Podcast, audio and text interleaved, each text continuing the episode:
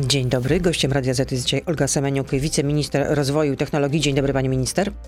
Dzień dobry pani redaktor, witam państwa. Święta, święta i po świętach. Jak y, pani spędziła święta?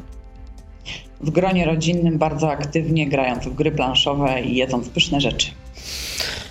W gry planszowe. No ciekawe, ciekawe, mm, ale y, mimo, że mamy, mieliśmy święta, to przed świętami dowiedzieliśmy się, że mm, Krzysztof Brejza, senator Platformy Obywatelskiej, był inwigilowany przez system Pegasus, kiedy był szefem sztabu wyborczego Koalicji Obywatelskiej. To jest skandal. Czy powinny polecieć głowy, na przykład koordynatora służb specjalnych?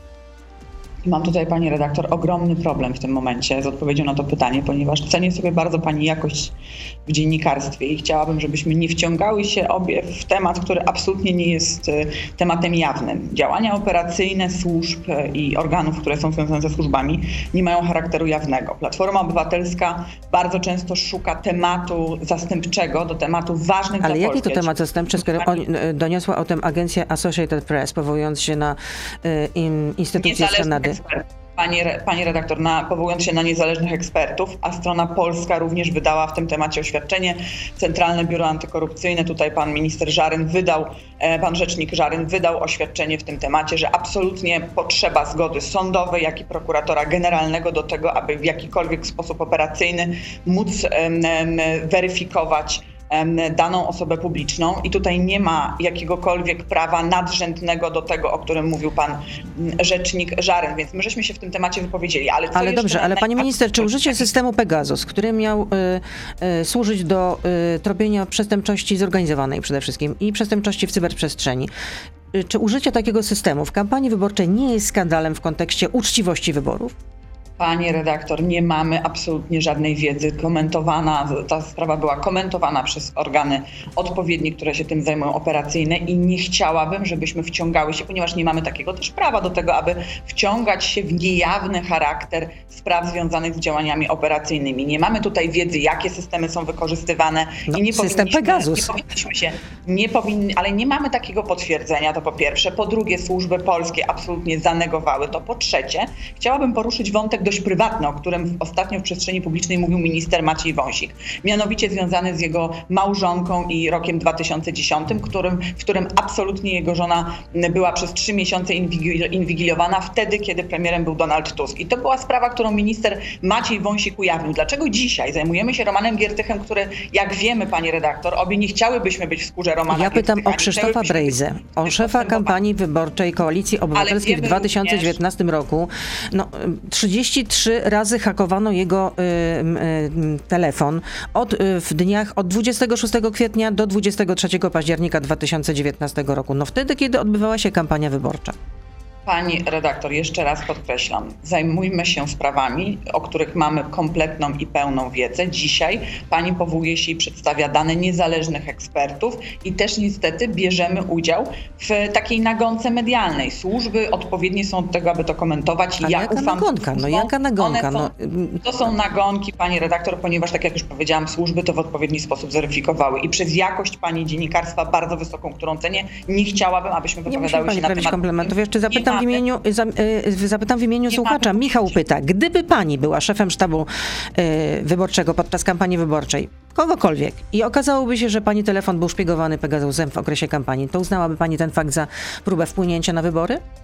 Ja nie chcę wypowiadać się na tematy konkretnych metod operacyjnych, natomiast nie mam nic do ukrycia i powiem pani redaktor więcej, że gdybym była podsłuchiwana lub w, jakiś w jakikolwiek sposób inwigilowana jako osoba publiczna, wiceminister, również radna Warszawy, nie miałabym z tym żadnego problemu, ponieważ nie mam nic do ukrycia. A na czym ma polegać pakiet osłonowy dla właścicieli klubów tanecznych czy dyskotek, które jak wiadomo od 15 grudnia nie mogą działać, są zamknięte, z wyjątkiem Sylwestra? To bardzo ważny temat, o którym chciałabym trochę więcej opowiedzieć. 20 grudnia Rada Ministrów w trybie obiegowym przyjęła rozporządzenie dotyczące wsparcia trzech kodów PKD związanych z funkcjonowaniem klubów tanecznych i dyskotek. Jest to kod PKD 5630Z, 9329. Przeciętny, przeciętny zjadacz chleba nie wie w ogóle o czym pani mówi.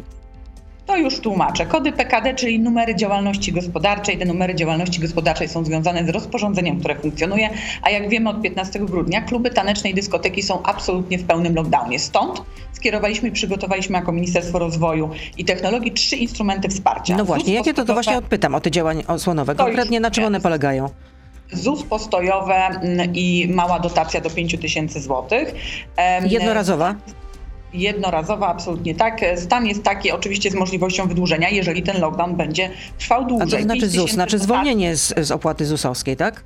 Zwolnienie z opłaty ZUS-owskiej i, mm, e, i tutaj postojowe w wysokości 2000 zł, 2080 zł.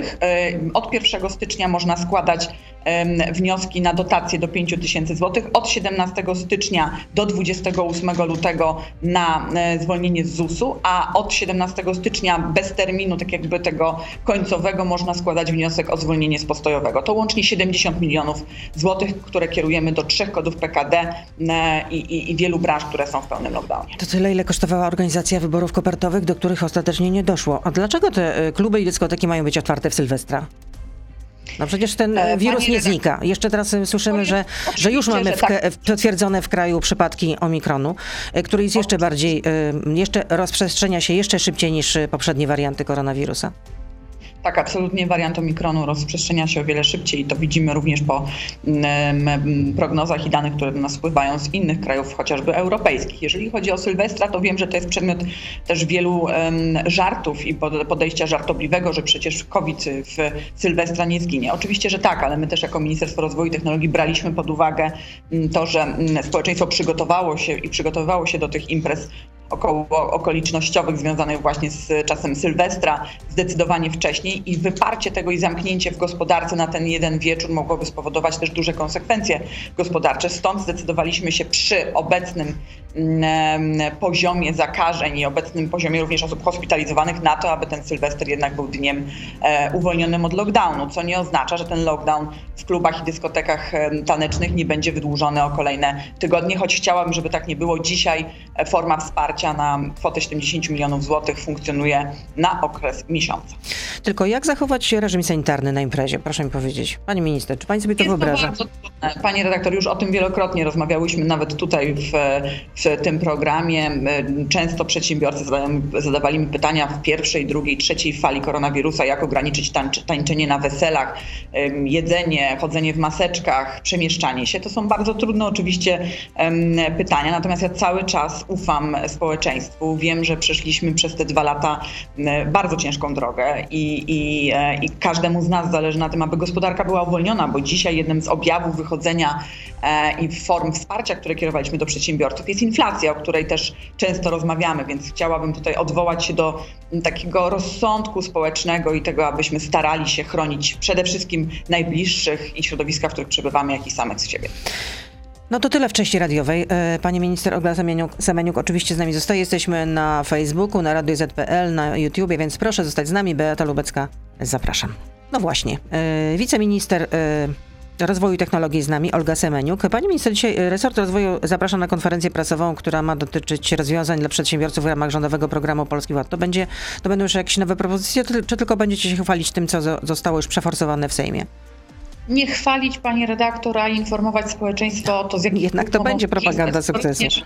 To również nie nazwałabym tego propagandą sukcesu, a po prostu przedstawieniem działań, które podejmowaliśmy w ostatnich miesiącach. Jest to naturalna kontynuacja konferencji, która odbyła się przed okresem świątecznym w Ministerstwie Finansów. E, Nasz resort przygotował specjalną infolinię dla przedsiębiorców i dla obywateli, na której mogą, dzięki No właśnie. której mogą Te, uzyskać te informacje. zmiany są tak skomplikowane, że trzeba po prostu aż uruchomić, że trzeba było uruchomić infolinię, żeby po prostu Pani redaktor. przedsiębiorców informować, jak mają sobie poradzić w tym nowym gąszczu. Każda zmiana systemu degresywnego podatkowego wiąże się również z niepewnością przedsiębiorców i nie powiedziałabym, że tych pytań jest tak dużo, ponieważ dzisiaj po kilku dniach od momentu uruchomienia tej infolinii możemy stwierdzić, że znacząca część oczywiście tych pytań dotyczy składki zdrowotnej i reformy podatkowej, ale są pytania związane chociażby z polityką prorodzinną, z mieszkalnictwem, z emeryturami bez podatku, więc tutaj społeczeństwo naprawdę może wykorzystać ten potencjał. A jakie jest zainteresowanie właśnie? Ile osób y, y, zwróciło się o pomoc? y, Czy też Kilka o... tysięcy, kilka tysięcy do okresu przedświątecznego do 23, nawet do, do rana do 24 grudnia to było kilka tysięcy osób. Dzisiaj będą spływały do nas kolejne dane. Z ministrem Nowakiem codziennie monitorujemy kwestię związaną właśnie z liczbą osób, które z tej infolinii korzystają. A dlaczego stworzyliśmy tę infolinię? Bo to też jest ważne, bo często też redakcje nas o to pytają. Stworzyliśmy ją po to, aby kompleksowo zebrać wiedzę z Ministerstwa Finansów, z Ministerstwa Rodziny i Pracy, z Ministerstwa ZUS-u i z różnych innych jednostek i podmiotów podległych, które tworzą i założenia Polskiego Ładu, po to, aby móc przedsiębiorcom i obywatelom na to odpowiedzieć. Liczba maili, telefonów, różnego rodzaju od przedsiębiorców związanych z reformą Polskiego Ładu wpływała oczywiście bezpośrednio do mnie. Ja jestem pełnomocnikiem rządu do spraw małych i średnich firm, więc tutaj ten sektor MŚP też do nas się z tymi tematami zgłaszał. Stąd ta infolinia, która po pierwsze ma kilku konsultantów, po drugie ma również chatboxy i wirtualnego mm, asystenta, który 24 na dobę będzie odpowiadał na pytania przedsiębiorców i chcemy tutaj wykorzystać również szerokie mechanizmy Departamentu Innowacji Polityki Przemysłowej związane ze sztuczną inteligencją, tak abyśmy byli w pełnym dialogu z przedsiębiorcami. No ale nie oszukujmy się, za podatkową rewolucję, rewolucję zapłacą osoby najlepiej zarabiające, przedsiębiorcy, samorządy. No, strać na tym ponad 2,5 miliona tak. osób. Nie zagłosują Panie, na was. Tak. Pani redaktor, to po pierwsze zmiana, ja jestem osobą, która, której marzył się system, e, zmiana systemu degresywnego podatkowego z prostej przyczyny. Musimy wprowadzić sprawiedliwość, a ta sprawiedliwość dotyczy, pani powiedziała, że zapłacą najbogatsi, zapłacą ci, którzy dobrze zarabiają. Oczywiście, że tak, że zapłacą, ale dzięki temu będą mogli korzystać, szersze grona będą mogły korzystać chociażby ze służby zdrowia. Przecież te środki finansowe, które wpływają do budżetu państwa nie idą na cele establishmentu e, polskiego, tylko idą na cele no, społeczne. No, zobaczyć, jak, chciałabym zobaczyć te zmiany na lepsze w służbie zdrowia, bo jakoś przez te dwa tak, lata wiem, wygląda to źle. Wiem, że temat służby zdrowia jest tematem, który możemy Jak rzeka, jak rzeka, to prawda i przez sześć lat można było zrobić dużo, dużo więcej.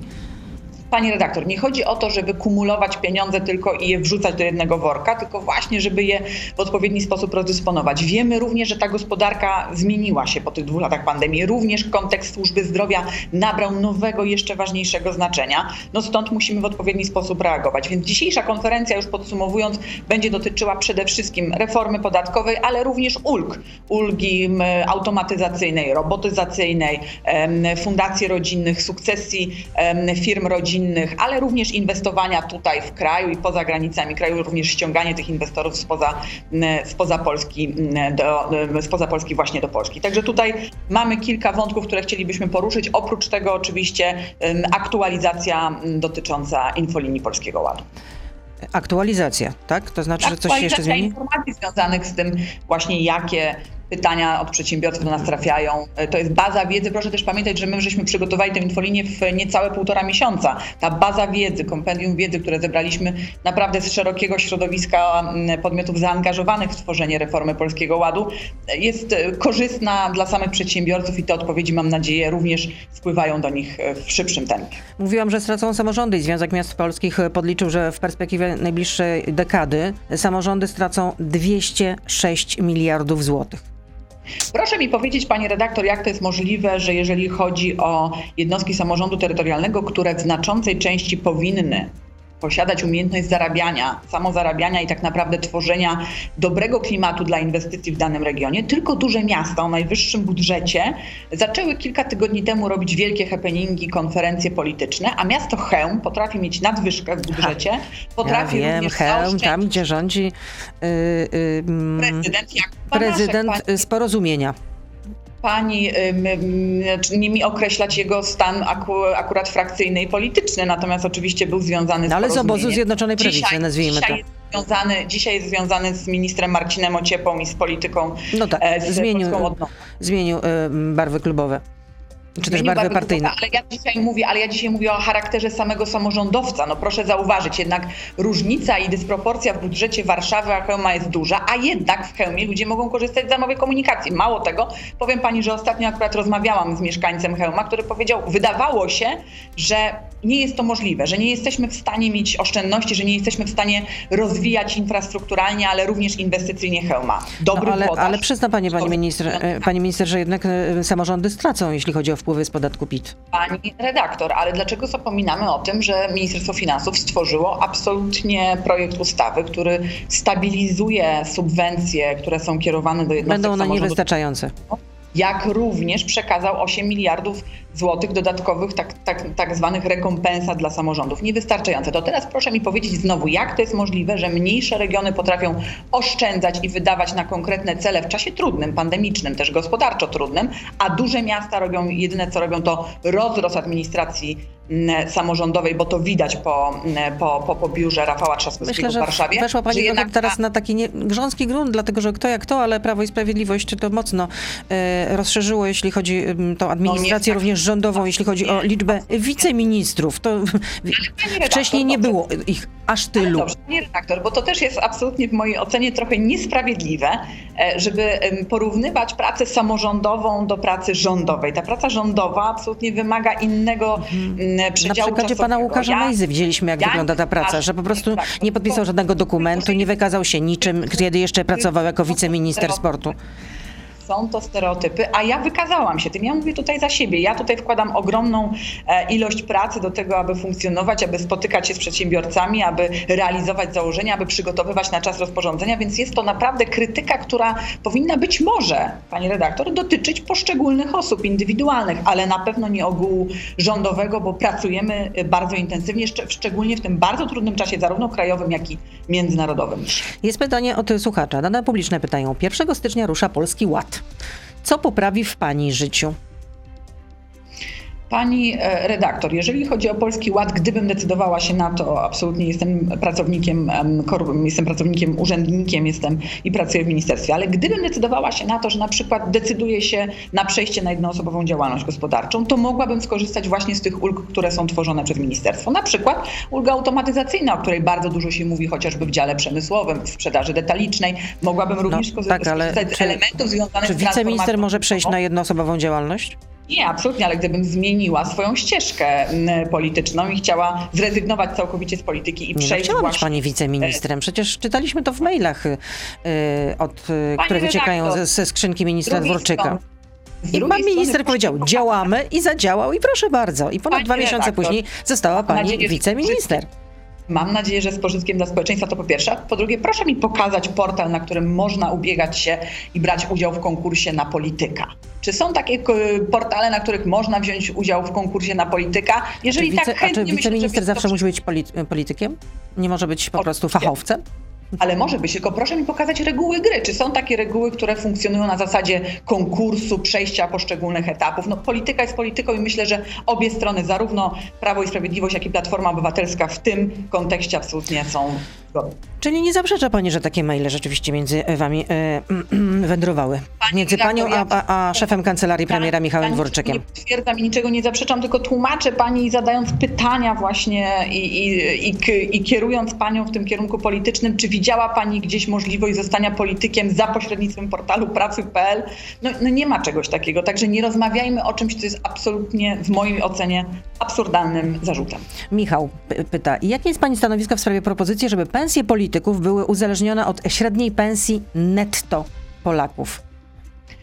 Pani redaktor, przede wszystkim płaca minimalna w kraju rośnie, obroty gospodarcze również, poszczególnych przedsiębiorców. Ale pytam o od polityków. Pytam o pensje ale, polityków. Ale ja cały czas, oczywiście, że tak. Stąd temat dotyczący podwyżek dla polityków, ministrów i posłów był tematem, który utrzymywał się w przestrzeni e, publicznej dość długo. Została odpowiednia decyzja na odpowiednim poziomie politycznym, również rządowym, prezydenckim podjęta co do tego, że te podwyżki są. Ja nie chciałabym być adwokatem we własnej sprawie. Każdy chciałby zarabiać najwięcej jak może. Te środki finansowe są każdemu potrzebne na inne cele i teraz mówienie o tym, czy jestem zwolennikiem tego, żeby moje uposażenie czy moje wynagrodzenie było niższe, no wydaje się takim e, błędnym pytaniem w stosunku do mnie. Myślę, że powinniśmy pytać o to zupełnie inne środowiska. E, Ludzie mają na Czyli to kogo? różne kogo? Ludzie mają różne na to zapytania. Panie, panie redaktor, no decyzja o podwyżkach, decyzja o podwyżkach została przyjęta i podpisana przez prezydenta Andrzeja Dudę, więc tutaj no, Ale myślę, że... Ktoś ją musi uchwalić, czyli posłowie. Oczywiście, oczywiście, oczywiście, że tak, że posłowie ją uchwalili i tutaj nie było, że tak powiem, rozbieżności co do tego, czy te podwyżki są, czy nie są. Mało tego, w jednostkach samorządu terytorialnego w niektórych miastach również widzimy, że radni już zarabiają więcej, bo zostały przyjęte poszczególne projekty uchwał dotyczące zwiększenia tego. A pani jako radna też zarabia więcej? Nie, nie zarabiam więcej. U nas w Radzie Warszawy taki projekt nie był i mam nadzieję nie będzie rozpatrywany. Adam pyta, proszę zapytać, dlaczego do dziś przedsiębiorcy nie otrzymali pieniędzy pomimo zapowiedzi? Adam Abramowicz, rzecznik e, małych i średnich firm. Pani redaktor, akurat to pytanie pytałam. E, z panem ministrem jesteśmy w bieżącym kontakcie. Dziwi się, że zadaje te pytania, mając mój numer telefonu i mogąc do mnie zadzwonić czy napisać za pośrednictwem mediów. Być może właśnie po to, żeby wywrzeć presję, na którą ja jestem bardzo odporna. Już tłumaczę dlaczego. E, projekt rozporządzenia za maj i za czerwiec dotyczył nie w pełni zamkniętych i nie w pełnym lockdownie branż. On był wypracowany tutaj jeszcze wtedy z ówczesnym wicepremierem Jarosławem Gowinem i właśnie z panem ministrem Abramowiczem. Dzisiejsze rozstrzyganie tego jest w trybie zakoń jest, jest zakończone. Każde dodatkowe środki, które mielibyśmy wpompować E, oprócz tych, które są no, tak jakby, do których jesteśmy zobligowani, czyli kluby taneczne i dyskoteki, będą wiązały się również z podwyższaniem inflacji. Więc tego dzisiaj nie będziemy robić. Po pierwsze, dlatego właśnie, żeby ta inflacja znowu gwałtownie nie rosła, a po drugie, dlatego, że w pełnym lockdownie w maju i w czerwcu te branże nie były, jak pani redaktor doskonale pamięta, one były w znaczącym procencie otwarte, dotyczyły tylko ograniczeń procentowych, ograniczeń liczebnych i tutaj te środki absolutnie do przedsiębiorców nie będą kierowane. Ten temat jest zamknięty, ale rozumiem, że pan minister minister jeszcze będzie w tej sprawie do mnie, mam nadzieję, dzwonił. A jeśli chodzi o, o to, że pani jest również szefową Rady Polskiej Agencji e, Kosmicznej, to nastąpiło, została mianowana pani właśnie szefową tejże rady kilka tygodni temu i chciałabym zapytać, kiedy zostanie uchwalony Krajowy Program Kosmiczny na lata 2022-2026? To jest niesamowite, pani redaktor, bo mam teraz okazję do tego, żeby o tym porozmawiać. Ja starałam się o tym nie rozmawiać. Natomiast sam fakt. A dlaczego starała się pani o tym nie rozmawiać? Dlatego już właśnie tłumaczę. Sam fakt, że przy moim nazwisku um, doszło do takiej eksplozji tematu związanego z kosmosem jest dla mnie porażający i wynika po prostu z, nie, z braku wiedzy w społeczeństwie. Po pierwsze, Rada e, Polskiej Agencji Kosmicznej jest przy samym prezesie i przy samej Polsie, czyli Polskiej Agencji Kosmicznej i ona wynika naturalnie z podległości danego departamentu. W moim nadzorze Departament Innowacji Polityki Przemysłowej wiązał się i wiąże się z tym absolutnie, że jestem tak jakby członkiem, osobą, która przekazuje informacje związane z pracami bieżącymi Polsy, chociażby do pana premiera Mateusza Morawieckiego czy do innych członków Rady Ministrów. Jeżeli chodzi o krajowy Czyli plan. Jest pani tylko takim przekaźnikiem, tak? Rozumiem? Informacji, co dzieje się w Polskiej Agencji Kosmicznej, tak? Pani redaktor, mam możliwość weryfikacji różnych tematów, chociażby Krajowego Planu e, Kosmicznego. Mamy również możliwość wpływania na pewne decyzje, ale proszę pamiętać, że jest to w sposób w pełni demokratyczny przeprowadzane, więc są odpowiedni członkowie Rady Polskiej Agencji Kosmicznej, którzy głosują za danym projektem uchwały lub go negują lub się wstrzymują od głosu. I w zależności od tego, jak profesor Wrochna, który jest prezesem Polsy, do tego tematu podchodzi, jak go przedstawia, no to tak gremium e, głosuje. Jeżeli chodzi o, o program kosmiczny, to myślę, że tutaj prace są zaawansowane, ale to są bezpośrednie pytania, które powinny być kierowane do Polski, tutaj do profesora Wrochny i szeregu profesorów, którzy w tym temacie są. Nam się udaje przede wszystkim w różne, do, do różnego rodzaju programów kosmicznych podchodzić w odpowiednim e, tempie związanym chociażby z finansowaniem tego ze środków krajowych, zagranicznych. Chyba, ja już często chyba, chyba niekoniecznie, bo przecież miał obowiązywać krajowy plan, e, program kosmiczny na lata 2019-2021, a nie obowiązuje. Panie redaktor, w praktyce nie został nigdy przyjęty do realizacji. No to dlaczego? Ale, też, ale musi pani też pamiętać, że temat kosmosu, czy Europejskiej Agencji Kosmicznej, czy właśnie Polskiej Agencji Kosmicznej, no to to są tematy ze sobą powiązane. To są również bardzo duże środki i nakłady finansowe, które wiążą się z realizacją odpowiednich, odpowiedniego celu. I tutaj myślę, że te pytania powinny być kierowane bezpośrednio do profesora Wroch. Czyli jak zapytam panią, y, co y, jeśli chodzi o plany zaangażowania Polski w program usuwania kosmicznego złomu z okołoziemskiej orbity, to też pani mi nie odpowie. No, pani redaktor, ale no to są takie pytania wręcz złośliwe ze strony. E, ze Dlaczego strony... złośliwe? To jest moje pytanie. To jest moje pytanie, dlatego że no, to miał być. Y, no, akurat ta branża, ta gałąź może przynieść ogromne przychody. Oczywiście, że tak. Ja absolutnie bym nie bagatelizowała i też nie podchodziła do tego tak jak część społeczeństwa w sposób śmieszny, bo kosmos jest naprawdę integralną częścią również e, naszych relacji europejskich i tutaj powinniśmy się na tym skupić, ale tak szczegółowe pytania związane z funkcjonowaniem samego programu powinny być kierowane do osoby, która tym tematem zawiaduje. Ja jeszcze raz tłumaczę. Podległość i różnorodność spraw, które znajdują się w Departamencie Innowacji i Polityki Przemysłowej i w tym zakresie również obowiązki związane z Radą Kosmiczną, no absolutnie poza ten tryb wychodzą.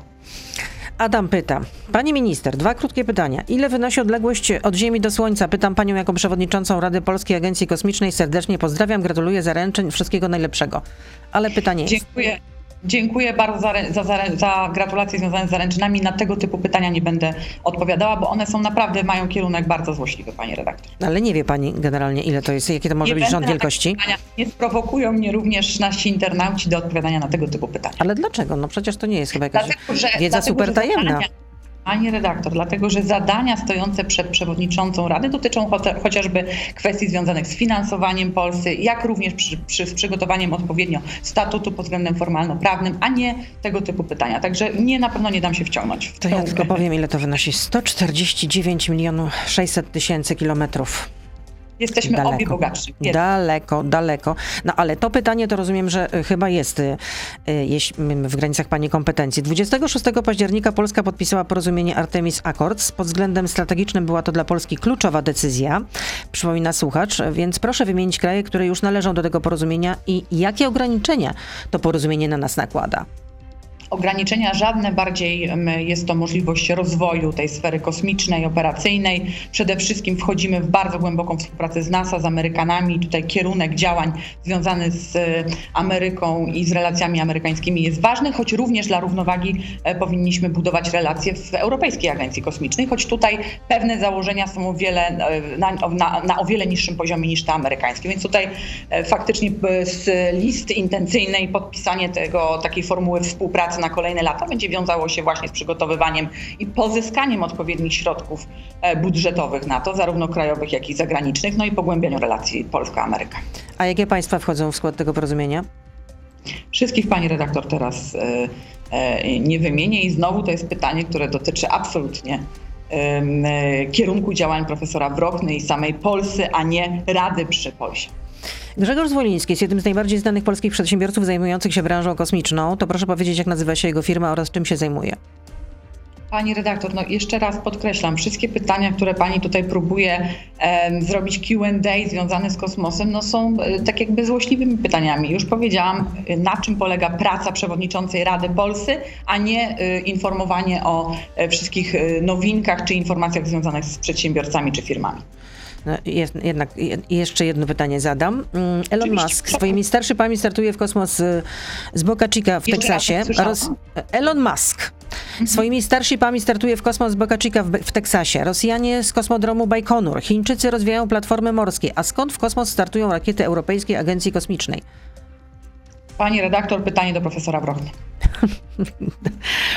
Myślę, że osobą, pani powinna zaprosić do tematu związanego z kosmosem jest przewodniczący Polscy, pan profesor Broch. Wojciech pyta. Politycy Prawa i Sprawiedliwości unikają komentowania e, maili Michała Dworczyka, tłumacząc, że w przypadku afery podsłuchowej z udziałem polityków Platformy Obywatelskiej mieliśmy nagrania audio. Ale proszę zatem skomentować nagrania słowa ministra, e, słów ministra Dworczyka. Cytuję. Anna Sabina Zalewska, czy jakiej tam pies mordelizał. No jak można w ten sposób mówić o kobiecie?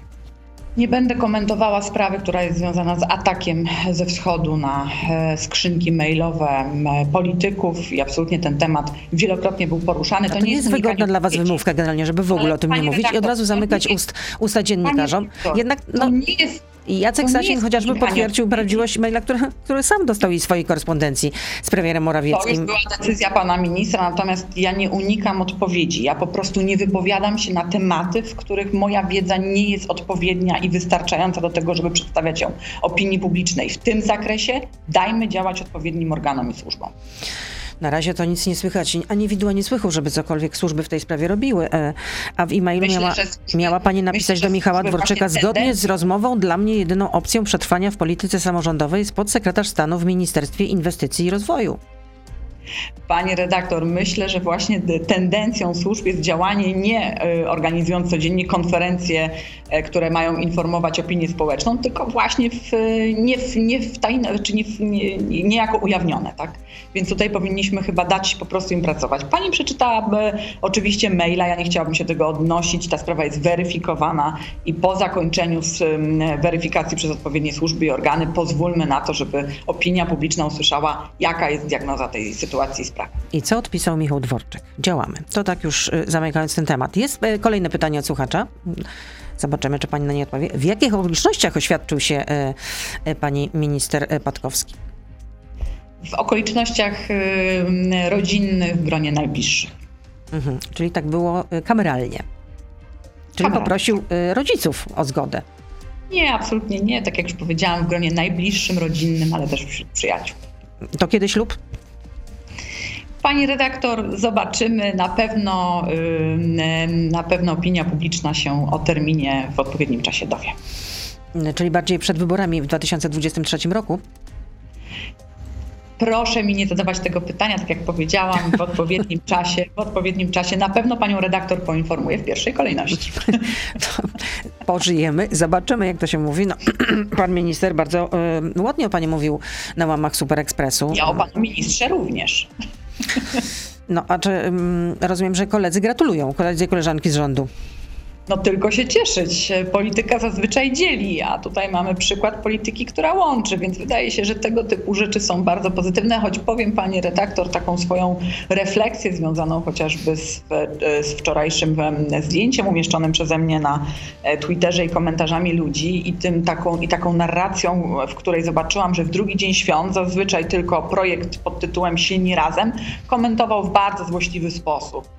E, różne rzeczy właśnie związane z tym dobrym dniem, bo to drugi dzień świąt, jak również dobra informacja związana z samymi zaręczynami i tutaj ta fala hejtu i nienawiści to jest właśnie narracja budowana niestety w mojej ocenie przez Donalda Tuska i młodych wilków wokół Donalda Tuska, którzy nie do końca chcą, żeby był Donald Tusk, chcieliby być sami, taką osobą jest Rafał Trzaskowski. I to, co zobaczyłam w tych komentarzach... To, to Donald Tusk miałby sta stać, e, stać za takimi złośliwymi e, i nieprzyjemnymi nie, komentarzami?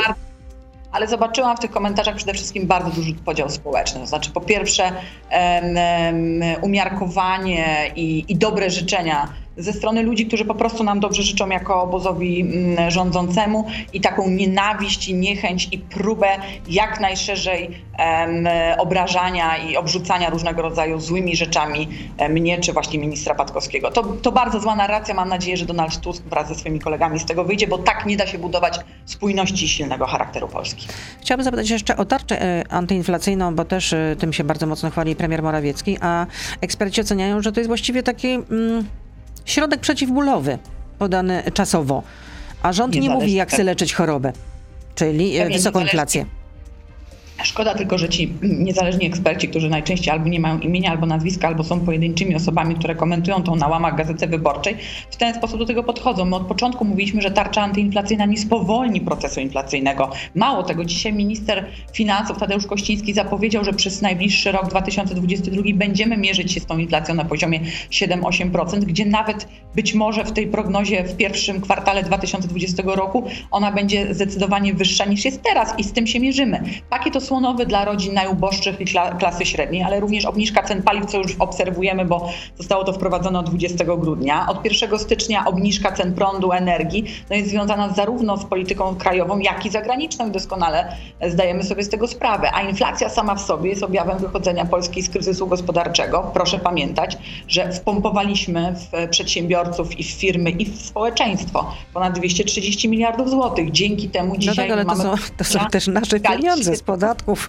z VAT-u. Oczywiście, że tak i one się absolutnie społeczeństwu należały, tylko moment, w którym żeśmy te pieniądze wpompowali, moment no, zastoju gospodarczego i tempo wprowadzenia tych środków finansowych no, powoduje dzisiaj takie, a nie inne skutki. No chociażby tarcza, również... tarcza antyinflacyjna, to jest około 10 miliardów złotych, a przecież pan minister Gościński, minister finansów mówił, że e, e, zebraliśmy e, w związku z tym, że jest taka wysoka inflacja, że są takie wysokie ceny i że głównie z podatku VAT około 9 miliardów złotych, więc to właściwie można powiedzieć, że to, co rząd odebrał, to teraz będzie znowu obywatelom oddawał. Proszę również pamiętać, że jesteśmy w kolejnym wariancie wirusa Omikrona. Mamy niestety no, takie, a nie inne prognozy, które o tym świadczą. Mamy w pełnym lockdownie również już dzisiaj trzy kody e, PKD. Nie wiem, jak ta sytuacja będzie się plasować w przyszłości, więc jesteśmy gotowi do tego, aby po pierwsze wydłużać tarczę antyinflacyjną i wprowadzać również inne instrumenty wsparcia dla przedsiębiorców. Mam nadzieję, że nie będzie to potrzebne, ale ten budżet musi być tak skrojony i tak przygotowany na, na te złe czasy, które, z którymi niestety żyjemy prawie już dwa lata. Zarzuciła pani, że y, jakoby miałabym się powoływać na jakichś anonimowych ekspertów, którzy mieliby się wypowiadać na nie, temat nie na łamach Gazety Wyborczej. Ja akurat y, czytałam wypowiedź y, w Rzeczpospolitej Sławomira Dudka, byłego dyrektora Departamentu Polityki Makroekonomicznej w Ministerstwie Finansów, który pełnił tę funkcję przez 7 lat, z tego co, co pamiętam. Odszedł w 2019 roku. Jest teraz głównym ekonomistą foru i mówił, że mamy do czynienia z kolejnym transferem pieniędzy do, do gospodarstw domowych i znów dosypujemy te pieniądze na rynek, a jak tarcza inflacyjna przestanie działać, no to inflacja nadal będzie wysoka. To a propos tego, że, nadzieję, że, stosujemy pan... taki środek przeciwbólowy. Mam nadzieję, że pan profesor również tutaj odnotował fakt, że tarcza i pakiet osłonowy idzie do najuboższych i do klasy średniej, gdzie odczuwanie inflacyjne jest o wiele wyższe niż w klasie mm, e, bogatej. To po pierwsze. Po drugie, myślę, że gdyby spotkał się z głównym ekonomistą, ekonomistą Ministerstwa Finansów, panem Czernickim, to pewnie doszłoby do trybu rozbieżności. No, głos kontra głos. Diagnoza jednego ekonomisty kontra diagnoza drugiego ekonomisty. No, tych ekonomistów mamy wielu. My działamy po to, aby odczuwalność inflacyjna w sferze w klasie najuboższej i średniej nie była była tak wysoka mm, i nie była tak odczuwalna i po to jest przygotowywany pakiet osłonowy. No dobrze, ale czy jednak nie jest tak, że mm, Y, Rada Polityki Pieniężnej spóźniła się z tym podwyższaniem stóp procentowych, że można było y, wcześniej zadziałać i zahamować, y, trochę przygasić tę inflację wcześniej. Nie mamy gwarancji, po pierwsze, pani redaktor, że wcześniejsze działania Narodowego Banku Polskiego przyczyniłyby się do wyhamowywania inflacji. Obserwując sytuację w innych krajach europejskich, ta inflacja również ma skokowy charakter. Stąd no, proces podwyższania stóp procentowych został w mojej ocenie wprowadzony w należytym tempie i na w odpowiednim e, czasie. Dodatkowo również ze strony rządu zostały przygotowywane, przygotowane pakiety osłonowe, które mm, dzisiaj już dostały w zasadzie gwarancje ze strony Ministerstwa Finansów co do potencjalnej ewentualnej kontynuacji.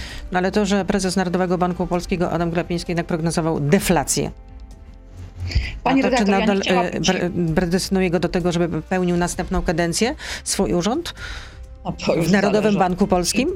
A to już zależy od tego, czy zostanie wybrany właśnie tutaj na, na osobę, która będzie to kontynuowała. W mojej ocenie absolutnie nie, nie doszło do żadnego zaniechania czasowego związanego z podwyższaniem stóp procentowych. Dobrze, dziękuję za tę rozmowę. Olga Semeniuk, wiceminister rozwoju i technologii była z nami. Życzę oczywiście Bardzo żelaznej odporności, odporności żelaznej, bo nam to jest teraz y, najbardziej potrzebne. Dobrego Bardzo dnia, dziękuję. kłaniam się. Do usłyszenia, do zobaczenia. To był gość Radia Z. Słuchaj codziennie w Radio Z i na player radioz.pl.